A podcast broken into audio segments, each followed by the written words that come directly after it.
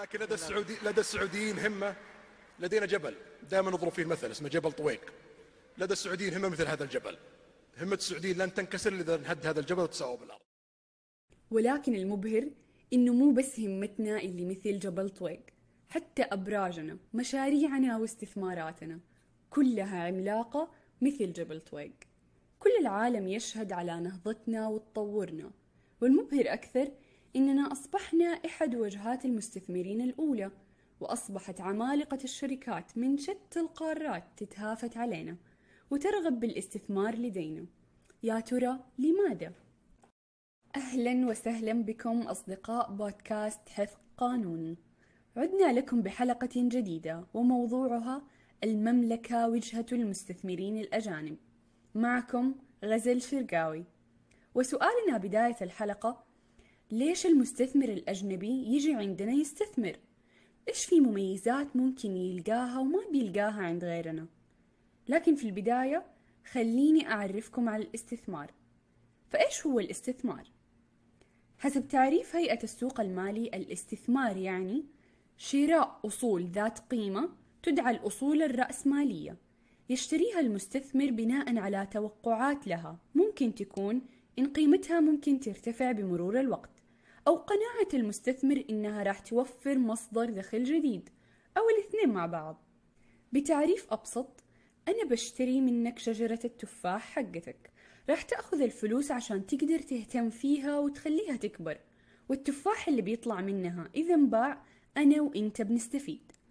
ومستحيل ما راود أذهانكم تساؤل عن ليش الاستثمارات اللي نشوفها الأيام هذه مهمة. خصوصا الاستثمارات الأجنبية اللي نشوفها في المملكة. وليش أصلا بنتكلم عنها دحين؟ أو ليش حتى السعودية ما حط استثمار ناجح؟ الإجابة وبكل بساطة تتمثل بأن المملكة العربية السعودية تطورت اقتصاديا لدرجة أنها صارت مصدر يدر بالأموال لكل من يستثمر فيها. المستثمر الأجنبي في السعودية رابح وبشدة. بيلقى عندنا خدمات ونظام يحميه وقوة شرائية بيستفيد منها.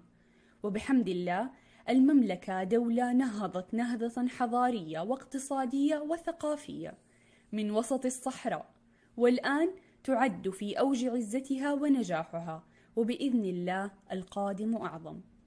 هذه ميزة دولتنا إنها تتمتع برؤية لمستقبل باهر. كل العالم شاهد عليه ومؤمن بإمكانية تحقيقه. في أول أيام نشأة المملكة العربية السعودية كانت دولة يطغى مظهر التواضع على أراضيها بسبب اعتمادها بشكل كلي في ذلك الوقت على الرعي والزراعة والحرف البدائية. لكن بعد تأسيس المملكة العربية السعودية بست سنوات أشرقت الشمس أخيرا على ربوع مملكتنا. مع أول استثمار أجنبي في المملكة يوم التاسع والعشرون من مايو عام 1933 ميلادي. بدأت الحكاية لما راح الملك عبد العزيز بن عبد الرحمن آل سعود رحمه الله للولايات المتحدة الأمريكية ووقع اتفاقية الامتياز للتنقيب عن البترول بين السعودية وشركة ستاندر أويل أوف كاليفورنيا وبعد اكتشافهم لأول آبار النفط في الدمام اللي تحولت من مدينة مقفرة ومهجورة إلى مدينة تزف المملكة عروسا بين محافل كبار الدول. توالت اكتشافات النفط مدينة ورا الثانية في جميع أنحاء المملكة وصارت دولتنا أكبر منتج ومصدر للنفط في العالم. وفي عام 2000 أصدر مجلس الوزراء في المملكة نظام الاستثمار الأجنبي كخطوة قوية لتنظيم الاستثمار الأجنبي. وكان بمثابة ترحيب مليان حفاوة بجميع الاستثمارات الأجنبية مستقبلا. وفي عام 2014 أصدرت الهيئة العامة للاستثمار لائحة تنفيذية لنظام الاستثمار الأجنبي وهذا اللي أظهر لنا بكل وضوح اهتمام المملكة بالمستثمر الأجنبي وذكر فيها إمكانية إدارة المنشآت بحيث يكون مالكها الأجنبي شريكا مع المالك السعودي. وممكن أن المستثمر الأجنبي يكون مالك لهذه المنشأة لوحده. مو بس كذا فوق كل هذا راح يتمتع المستثمر الأجنبي في هذه المنشآت بجميع المزايا والضمانات اللي تتمتع بها المنشآت الوطنية بالضبط. وأطلق ولي العهد الأمير محمد بن سلمان استراتيجية وطنية للاستثمار لرفع صافي التدفقات الأجنبية المباشر.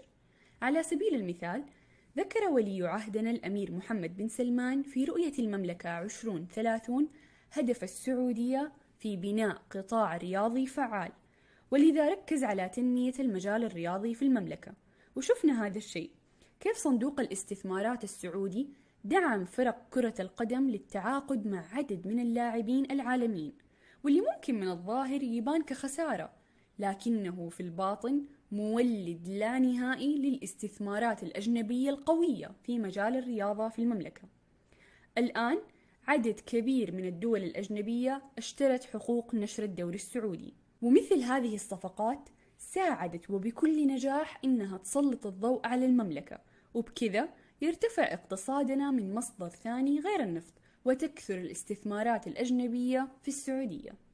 ومو بس كذا حتى القوة الشرائية عندنا في ارتفاع تخيلوا أن الناتج المحلي الإجمالي في السعودية حقق ارتفاع بنسبة 1.2% خلال الربع الثاني من 2023 مقارنة بنفس الفترة من السنة الماضية.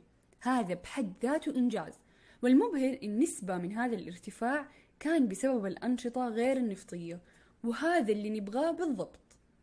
وأيضا من الأمور اللي بترفع صافي التدفقات الأجنبية تطور وتكامل مدننا. فمستحيل ما نذكر مشروع ضخم زي برنامج مستقبل المدن السعودية واللي أطلق برنامج صندوق الاستثمارات العامة. مشاريع ضخمة منها مشروع نيوم ومشروع البحر الأحمر وكثير من مشاريع المدن المستقبلية. والمملكة العربية السعودية أبدت اهتمامها بتكامل المدن لوعيها بأنها محط جذب للمستثمر الأجنبي.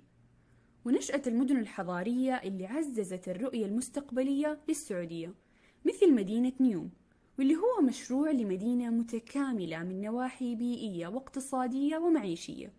وهذا اللي حفز الرغبة الأجنبية في الاستثمار بشكل هائل وغير متوقع. وتعددت أوجه الاستثمار في نيوم لأربعة عشر قطاع متنوع منها قطاع التنقل اللي هدفه ربط نيوم بالشبكات المحلية والعالمية أرضا وبحرا وجوا. أما في قطاع السياحة رفعت نيوم الستار عن طبيعة خلابة. راح ندهش بجمالها بكل تأكيد أول ما تفتح مدينة نيوم أبوابها. وبعد ما ذكرنا مشاريع نيوم مستحيل نستغرب تهافت المستثمرين العالميين عليها. وذكر ولي العهد الأمير محمد بن سلمان إن نيوم هي أول منطقة في العالم تطرح للاكتتاب في سوق الأسهم عام 2024 ميلادي. وبكذا راح يكون المستثمر شريك في مشروع نيوم الضخم وعائدات الاستثمار الأجنبي والمحلي راح تنحط كلها في مشاريع سعودية. وأيضا من أواخر الاستثمارات الأجنبية التي عقدت كانت بين المملكة وكوريا الجنوبية وتم توقيع عقود بقيمة 29 مليار دولار. وقال رئيس كوريا الجنوبية كلمة حق أكد فيها بقوة السعودية كواجهة مثالية للاستثمار الناجح. واختصارا لكلماته قال إن السعودية لها مبادرات طاقة ممتازة وسوف نقوي استثماراتنا فيها. فكلام رئيس كوريا الجنوبية وضح لنا إن الطاقة من أكبر الموارد الجاذبة للمستثمرين الأجانب. والمملكة العربية السعودية أولت اهتمام كبير في قطاع الطاقة بآخر سنتين. والسبب يا ترى إيش؟ أولها أن أزمة كورونا لما جات كشفت أشياء كثير عن الدول وبينت للعالم كله مكانة المملكة في سوق الطاقة العالمي اللي جذب بدوره استثمارات أجنبية ضخمة في مجال الطاقة والتطور الطاقي الحاصل في المدن الحديثة في السعودية غني عن الإسهاب فيه ومشروع نيوم خير مثال لمستقبل الطاقة في السعودية. فهذه الإحصائيات كلها دليل على متانة وقوة الاقتصاد السعودي. ونجاح سياسات التنويع الاقتصادي وتقليل الاعتماد على النفط. والآن التقارير المعيارية والتحليلات قادرة إنها توضح السلع المطلوبة واحتياجات السوق السعودي. فبالتالي المستثمر ما يغامر. يدخل السوق وهو عارف نقاط الاحتياج ونقاط التكدس. وأكيد هذه المميزات من شأنها جذب المستثمرين لأنها تساعدهم على تفادي احتمالية الخسارة. ويدخل المستثمر الأجنبي السوق السعودي وهو واثق وين راح يحط فلوسه. بلادنا تمتلك قدرات استثمارية ضخمة وسنسعى إلى أن تكون محركا لاقتصادنا وموردا إضافيا لبلادنا وهذا هو عامل نجاحنا الثاني. سمو ولي العهد الأمير محمد بن سلمان وضح وأكد لنا جاهزية المملكة لاستقبال الاستثمار الأجنبي والعالم الآن كله شاهد على إنجازات المملكة. وأصبحنا من أوائل الدول اللي المستثمر الأجنبي يفكر يستثمر فيها. ومع كل هذا التطور اللي نشهده كل يوم نفخر بمملكتنا وبانتمائنا لهذه الدولة العظيمة اللي قادتنا للمرحلة الثانية من رؤية عشرون ثلاثون وطبقت برامجها الاستثمارية على أرض الواقع. رؤيتنا كانت أشبه بحلم مستحيل من نسج الخيال. بس اللي ما تعرفوه هو إن المملكة العربية السعودية تحقق الأحلام وتجعلها واقعا نلمسه ونراه أمامنا. فزي ما كلنا نعرف إن المستحيل ليس سعوديا.